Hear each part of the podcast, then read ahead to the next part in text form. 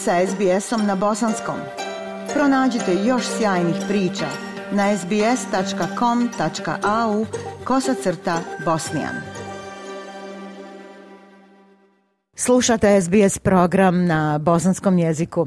Ja sam Aisha Hadži Ahmetović. Tragom poslovice starih latina mens sana in corpore sano, zdrav duh u zdravom tijelu i imajući na umu neprocjenjivu vrijednost zdravlja, razgovaramo danas sa gospođom Danielom Jakić, doktoricom kineske medicine i akupunkture, čija je podspecijalnost zdravlje i plodnost žena.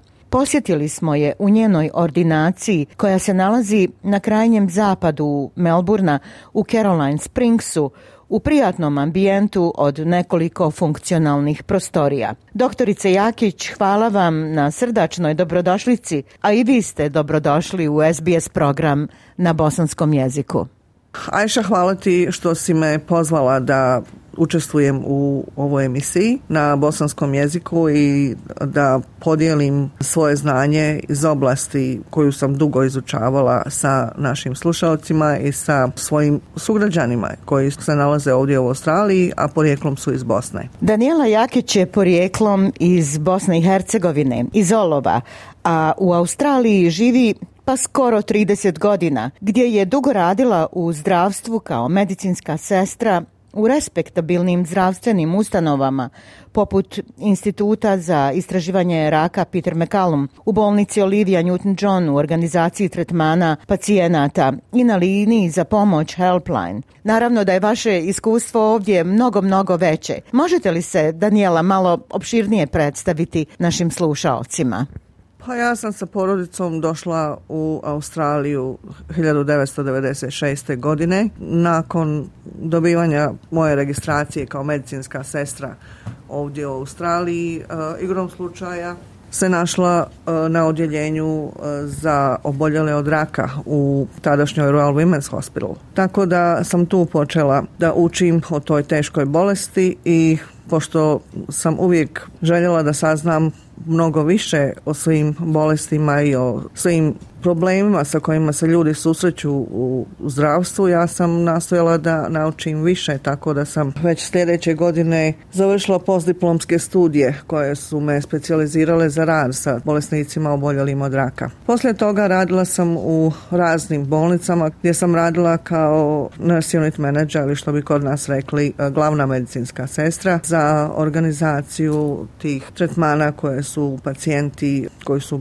oboljeli od raka dobivali znači Znači, kemoterapije. Ali uvijek nekako sam se pitala i nastojala da razumijem i saznam šta još bi mi mogli da uradimo da pomognemo e, tim ljudima na neki način da se prije izliječe, da imaju više energije dok prolaze kroz sve te teške tretmane i jednostavno da im pomognemo da se bolje nose sa tim nuz efektima koje svi ti teški tretmani i dugoročni tretmani uzrokuju. Tako da sam istraživala i nastojala da nađem e, odgovore. I odgovore sam našla baš kada sam radila taj svoj postdiplomski studij gdje sam naišla na rad jedne medicinske sestre u Americi koja je uspjela da uvede jednu energetsku tehniku kao liječenje bioenergijom koja se zvala Healing Touch u praksu u američke bolnice gdje su pomagali ovim pacijentima koji su oboljeli od raka i gdje su doktori i medicinske sestre mogli to da završe kao jedan kurs i da to bude e, dio njihovog dodatnog obrazovanja u struci i da to primijene. Tako da ja sam imala želju da to isto naučim, što sam i uradila u toku te godine i nastojala sam da to nekako primijenim u svom radu u bolnici, ali nisam, nisam baš naišla na pogodno, što bi rekli, tlo, tako da nisam mogla to da, da postignem, ali sam u isto vrijeme radila dosta volonterski sa raznim pacijentima i primjenjivala to svoje znanje koliko sam mogla. Vi ste u Bosni i Hercegovini započeli studij medicine koji je nažalost prekinuo rat ovdje ste u Australiji stekli iskustvo u zdravstvu, pa ipak ste se odlučili za studij alternativne medicine na Univerzitetu RMIT u Melbourneu. Recite nam šta je prevagnulo da se odlučite na taj studij i možete li nam zapravo odgovoriti na pitanje koja je razlika između klasične zapadnoevropske, zapadnjačke medicine i kineske klasične medicine i akupunkture? Kada se nađete u situaciji da svaki dan ste suočeni sa patnjama ljudi i ne znate više kako bi im mogli najbolje pomoći i ljudi vas pitaju šta mogu da uradim da imam više energije, da se ne osjećam ovako umorno svaki dan, da samo ležim ovaj, kod kuće i da sam u nekom polusnu da uopšte nemam nikakav kvalitet života. Šta mogu da uradim, na primjer, da, da moja crvena krvna zrnca ili bijela krvna zrnca budu na određenom nivou tako da mogu da primim sljedeću kemoterapiju kada je ona na redu da se primi, a ne da mora da se odlaže. Ili šta da uradim, toliko, toliko mi je muka, toliko imam gađenje, povraćanje, da, da ne mogu ništa da jedem, gubim na težini. Jednostavno ne mogu da spavam, imam problema sa probavom, imam prolive i tako dalje. Mislim, to su sve neke, neke situacije kada zapadna medicina nema neki stopostotni odgovor za, za uspješno razrješenje tih problema. Mislim, imaju, postoje lijekovi koji se daju u takvim situacijama, ali oni nisu e, posto kako da kažem, efektivni. Tako da ljudi dosta nastoje na neki prirodan način da nađu odgovor e, za koje bi to neke prirodne biljke ili preparati koji bi im mogli pomoći i da onda i ljudi onda počnu da ih koriste. Tako da sam kroz svoje istraživanje, pošto sam poslije tih e, kurseva za rad sa bioenergijom radila također još neke dodatne kurseve kao što je na primjer šijacu, jedna vrsta masaže koja se primjenjuje u, u Japanu i gdje se koristi pritiskanje i to su akupresurne tačke, ali one su jedna veća površina gdje se u stvari nalaze akupunkturne tačke koje koristi akupunktura. Tako da sam počela da stičem neko novo znanje koje jednostavno me zaokupilo i zainteresovalo, tako da sam uvijek nastojala da saznam više i više i onda sam jednostavno zaključila da je to ono što može pomoći ne samo pacijentima oboljelim od raka nego i drugim ljudima da se, da se bolje kako da kažem zaštite od bolesti a osim toga i da jednostavno se ubrza proces izlječenja na primjer, u radeći dugo vremena u zapadnoj medicini, ja sam svjesna e, svih e, prednosti koje, koje zapadna medicina ima i to ne umanjujem ni u, ni u, kom slučaju. Prema tome, na primjer, zapadna medicina je izvrsna u dijagnostikovanju bolesti, pošto imamo svu tu najmoderniju tehnologiju gdje možemo da, da vidimo tačno šta se dešava na ćelijskom nivou, možemo da izmjerimo sve te neke brojčane vrijednosti koje se odnose na neke parametre koji se upoređuju i onda eh, jel, na osnovu toga gledamo šta se dešava sa čovjekom, sa njegovim organizmom organizmom i tako dalje. Ali zapadna medicina je djelotvorna u svakom slučaju za većinu bolesti, ali postoje neke situacije kada, kada ona jednostavno ne može da odgovori na najbolji mogući način i u tom slučaju koliko sam ja upoznata sa teorijom kineske medicine i eh, japanske medicine također da oni imaju neke odgovore koje mogu da se primijene i da se koriste za dobrobit ljudi. Znači ja sam za integraciju zapadne medicine i ove istočne ili orijentalne ili kako god hoćete da je zovete kineske medicine i smatram da na taj način eh, ljudi mogu da imaju najbolje moguće rezultate kada koriste te prednosti koje im daju jedna i druga u, ili u isto vrijeme ili naizmjenično. Pomažete ljudima da poprave svoje opšte zdravstveno stanje pripravcima, ljekovitim biljem, čajevima i akupunkturom. Možete li nam reći šta konkretno liječite akupunkturom? Pa akupunktura je jedna, jedna od tehnika koja se koristi u kineskoj medicini. I ja sam izučavala i absolvirala više tih tehnika akupunkture. primjer 13 tehnika, uključujući e, japansku akupunkturu također.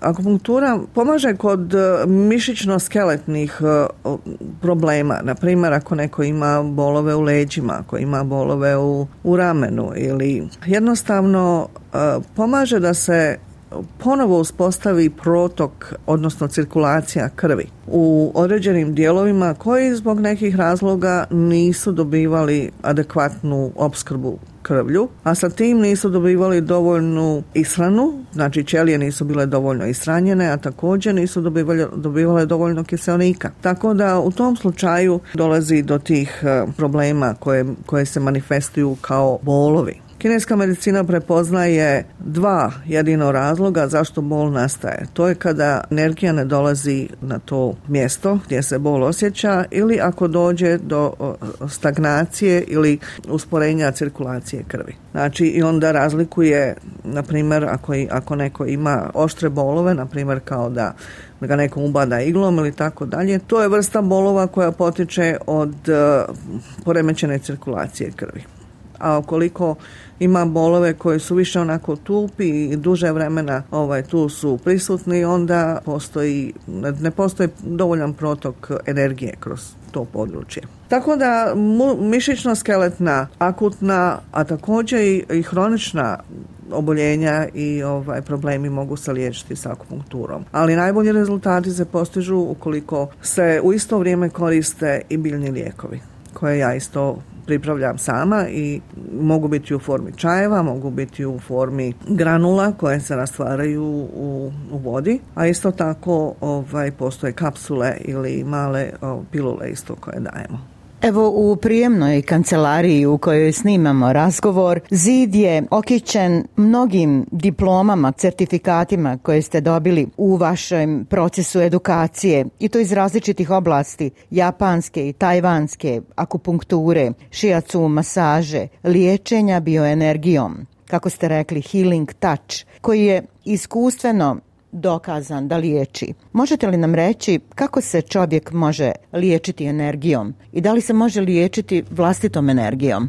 Da vam kažem, to je filozofsko pitanje, ali u stvari sve što postoji fizika danas kaže da je energija i to je usvojeno jeli, od strane neauke. Prema tome, kada energija uspori svoje kretanje, onda ona postaje materija. Znači i bolesti isto tako prolaze kroz različite faze svog, od svog nastajanja pa kroz svoj razvoj dok ne nestanu ili dok se ne završe na neki način. Svaka bolest nastaje kao poremećaj u protoku energije u čovjekovom organizmu. A onda ukoliko se ništa ne uradi da se to popravi na vrijeme, onda to se dalje razvija i prelazi u probleme sa funkcijom, na primjer, tog dijela tijela ili organizma ili organa ili bilo čega. Znači imamo funkcionalne smetnje, znači nešto boli nas nešto stomak ili imamo žgaravicu ili ovo ono, znači to je već pomalo poremećena funkcija. Da bi na kraju, ukoliko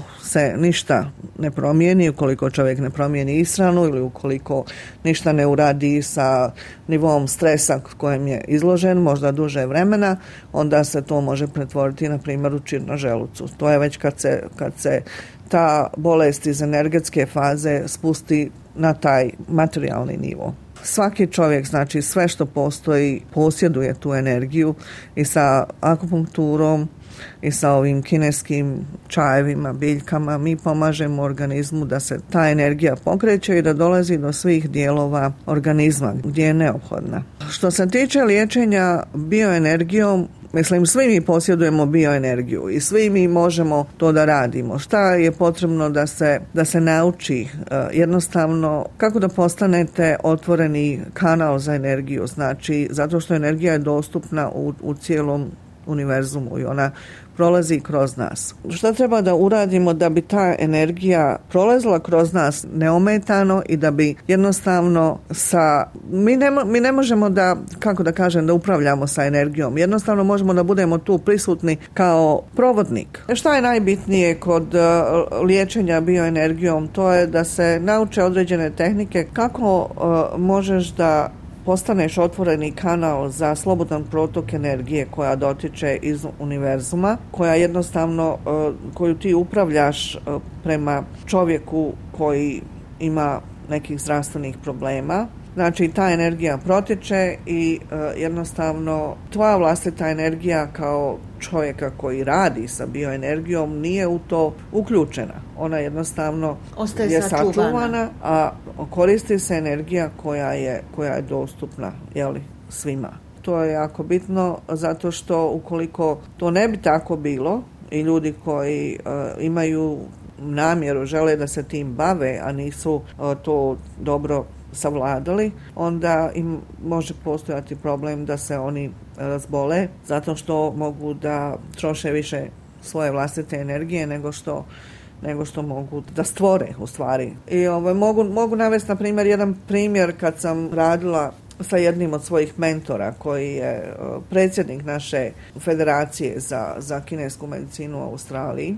On je bio moj mentor i on je imao neke bolove u leđima i ja sam rekla ako hoće da mu ja uradim taj tretman sa bioenergijom, on je rekao ajde dobro. Onda kad sam ja njemu radila i, ovaj, i kad je njemu bilo bolje, onda on se okrenuo meni i kaže kad si ti učila Qigong?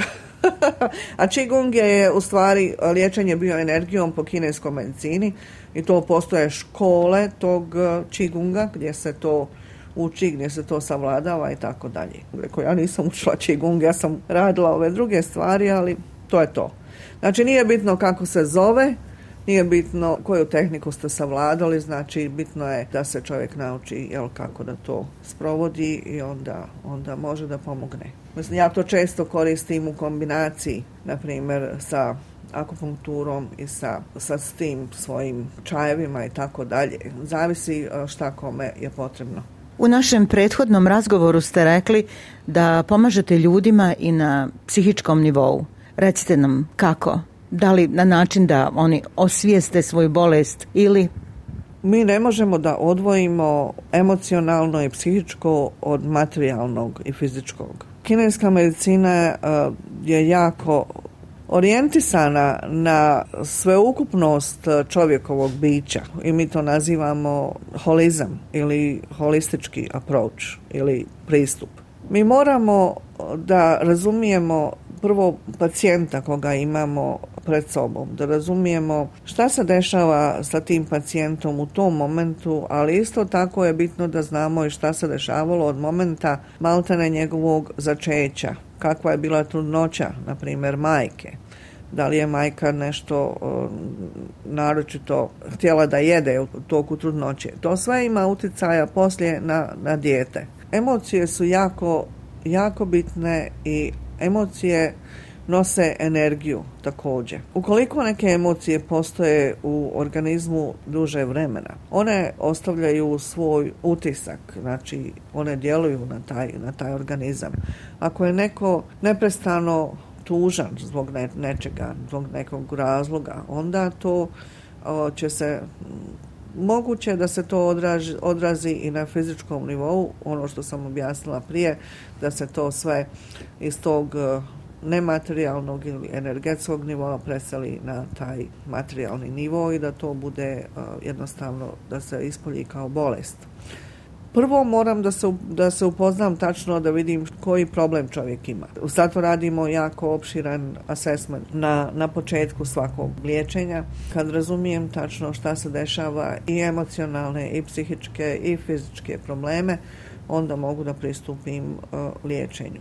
Liječenje naročito hroničnih oboljenja uzima dosta vremena i dosta često je potrebno da pacijent dolazi ukoliko želi da se izliječi kako treba. Zato što, mislim, niko ne posjeduje magični štapić da može nekome momentalno da pomogne, ali ljudi koji dolaze kod mene nauče puno stvari koje im pomažu da jednostavno um, promijene svoj uh, način gledanja na, na neke stvari ukoliko su te stvari im do tada stvarale probleme i nisu im služile za nikakav napredak. Znači, ljudi počinju da se mijenjaju.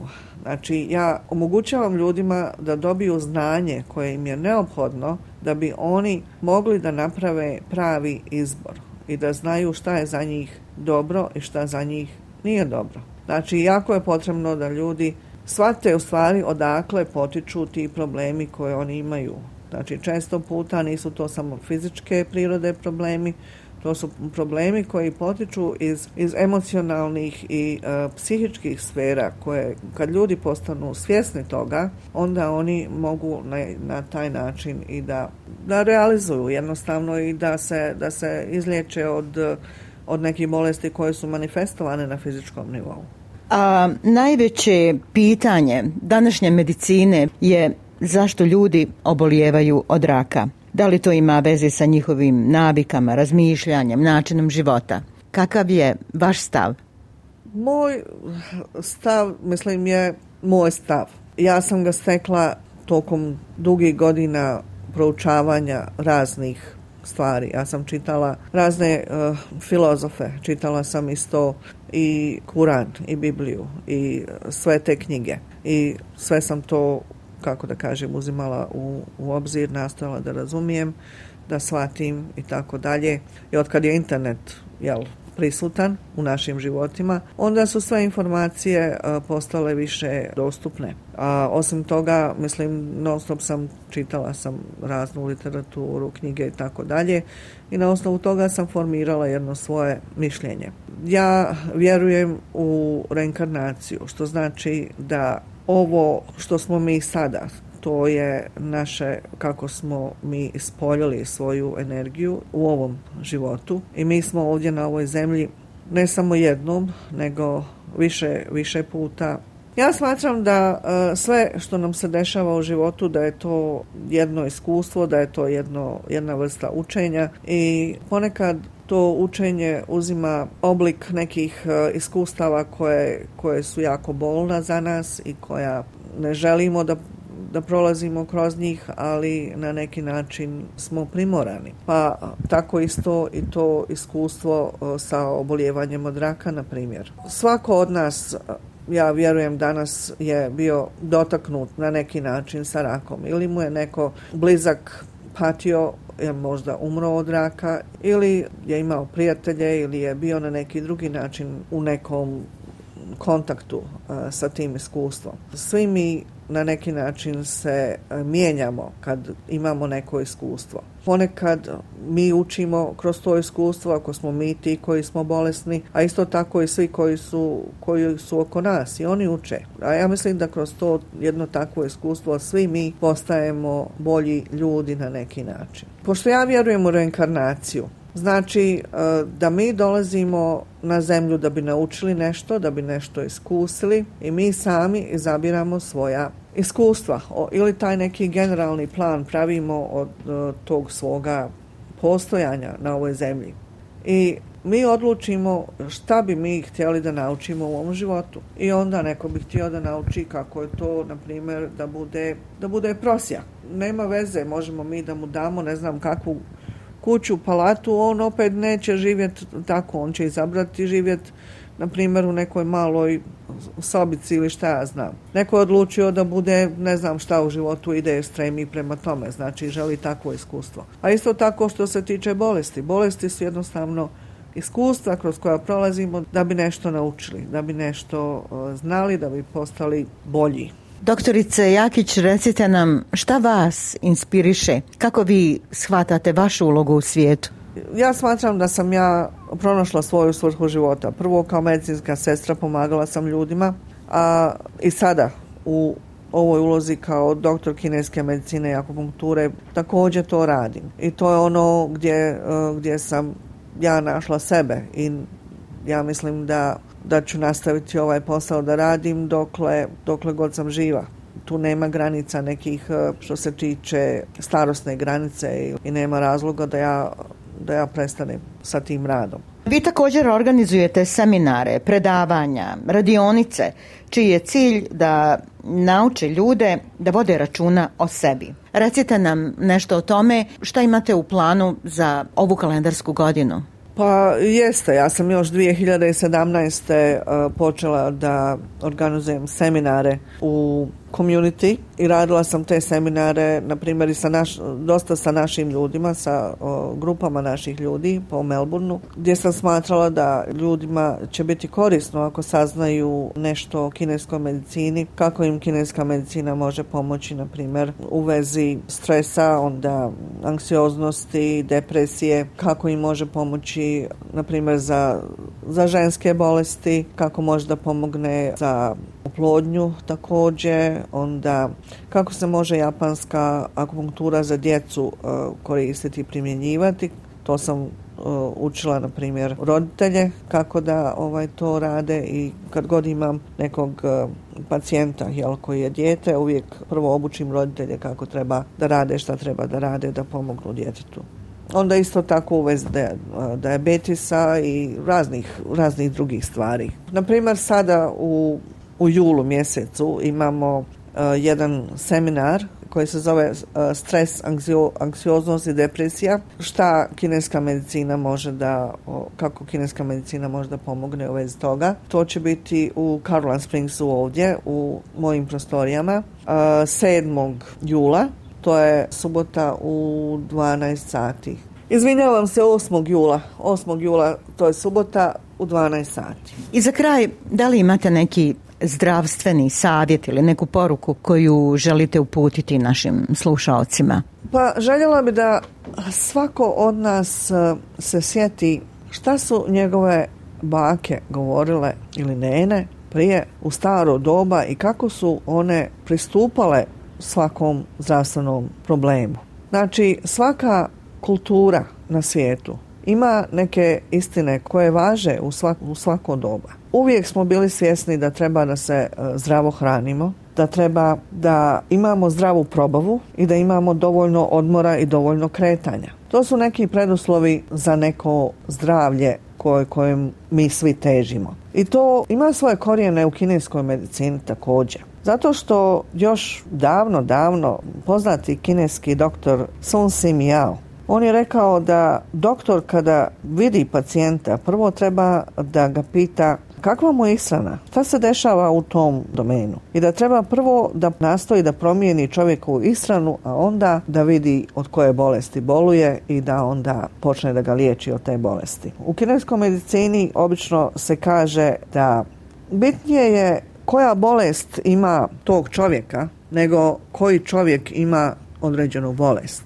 To je jedna istina koju su ljudi zaboravili. I znači ako imamo sve ove komponente, znači zdrava ishrana, zdrav probavni sistem, dovoljno odmora i kretanja, odmah imat ćemo automatski dovoljno krvi i tjelesnih tekućina, dovoljno energije, dovoljno imuniteta i dovoljno zdravlja. Znači, to je nešto što čega treba da budemo svjesni i da nastojimo da, da primjenjujemo u našem svakodnevnom životu. Doktorice Jakić, hvala vam na izdvojenom vremenu, na ovom razgovoru i na veoma vrijednoj sugestiji koju ste nam svima uputili. Želim vam puno uspjeha i sreće u vašem daljem radu. Hvala Ajša, zaista ovo je jedinstvena prilika za mene da se obratim svim slušalcima i našim ljudima i da jednostavno ih ohrabrim da potraže i neke, druge odgovore na pitanja koja sebi postavljaju možda često ili previše često. Hvala što ste me pozvali da budem učesnik u ovom razgovoru. Sve najbolje. Like, share, comment. Pratite SBS Bosnian na Facebooku.